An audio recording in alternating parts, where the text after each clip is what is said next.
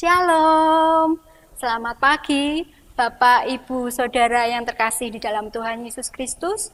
Jumpa lagi di dalam program Hikmat Pagi GKI Karangsaru. Renungan firman Tuhan pada pagi hari ini akan disampaikan oleh Pendeta Angga. Sebelum kita membaca dan merenungkan kebenaran firman Tuhan, mari kita persiapkan hati dan pikiran kita. Mari kita berdoa. Tuhan, ini kami yang datang kepada Tuhan pada pagi hari ini dengan penuh ucapan syukur karena kami merasakan benar perlindungan, penjagaan, dan penyertaan Tuhan sungguh nyata di dalam hidup kami.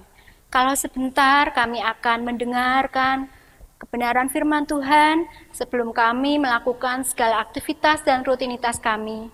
Tolong kami Tuhan, supaya kami tidak hanya mampu untuk mendengar saja, tetapi kami juga dimampukan untuk melakukan segala apa yang menjadi kehendak Tuhan di dalam hidup kami.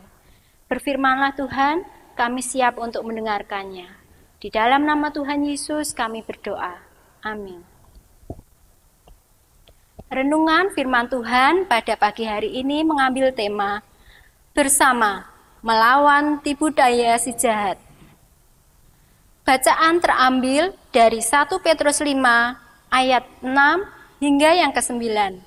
Namun kita akan fokus pada ayat yang ke-8 dan 9. Sadarlah dan berjaga-jagalah. Lawanmu si iblis berjalan keliling, sama seperti singa yang mengaum-ngaum dan mencari orang yang dapat ditelannya. Lawanlah dia dengan iman yang teguh, sebab kamu tahu bahwa semua saudaramu di seluruh dunia menanggung penderitaan yang sama. Demikianlah firman Tuhan, syukur kepada Allah. sadarlah dan berjaga-jagalah adalah suatu peringatan keras bagi orang percaya untuk terus awas terhadap tipu daya iblis. Iblis tidak pernah berhenti dan menyerah untuk mengintai kehidupan orang percaya.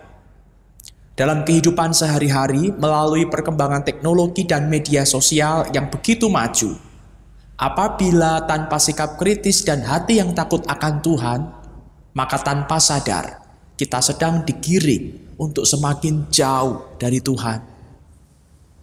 Tidak jarang media sosial menampilkan tayangan gambar-gambar yang tidak pantas. Menampilkan promosi-promosi iklan yang tanpa sadar sedang mengarahkan kita pada gaya hidup yang hedonis.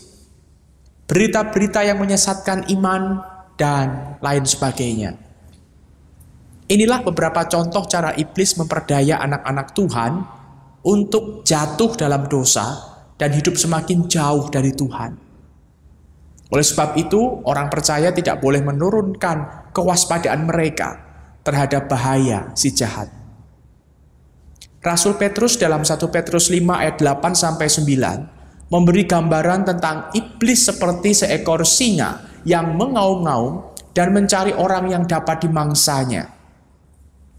Alkitab beberapa kali mengibaratkan kehadiran musuh seperti seekor singa yang buas dan siap untuk menerkam kapan saja.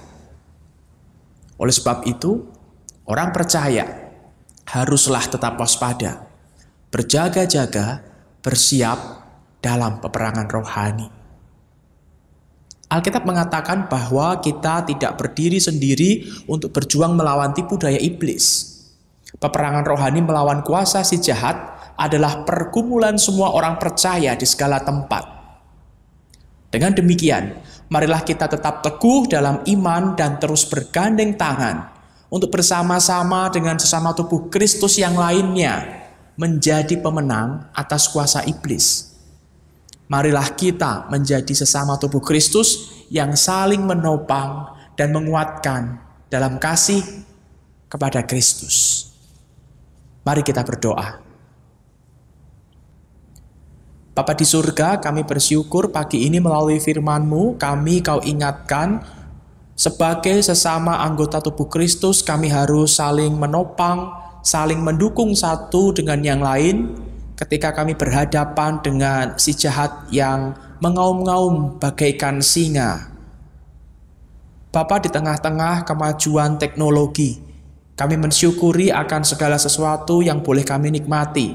Tetapi kami mohon kepadamu, kiranya Tuhan juga berikan hikmat kepada kami untuk boleh bijak melihat mana yang baik dan mana yang tidak baik. Sehingga kami sebagai anak-anakmu tidak terjerumus dalam jebakan si iblis. Dan mampukan kami sebagai satu anggota tubuh Kristus saling mendukung, saling mengingatkan, saling mendoakan satu dengan yang lain di dalam menyikapi dan menikmati akan segala sesuatu kemajuan-kemajuan teknologi yang saat ini tengah kami hadapi. Mampukan kami untuk menjadi anak-anakmu yang bijak, sehingga kemajuan teknologi yang ada tidak menjauhkan kami dari Tuhan, tetapi justru dapat semakin mendekatkan kami kepada Engkau.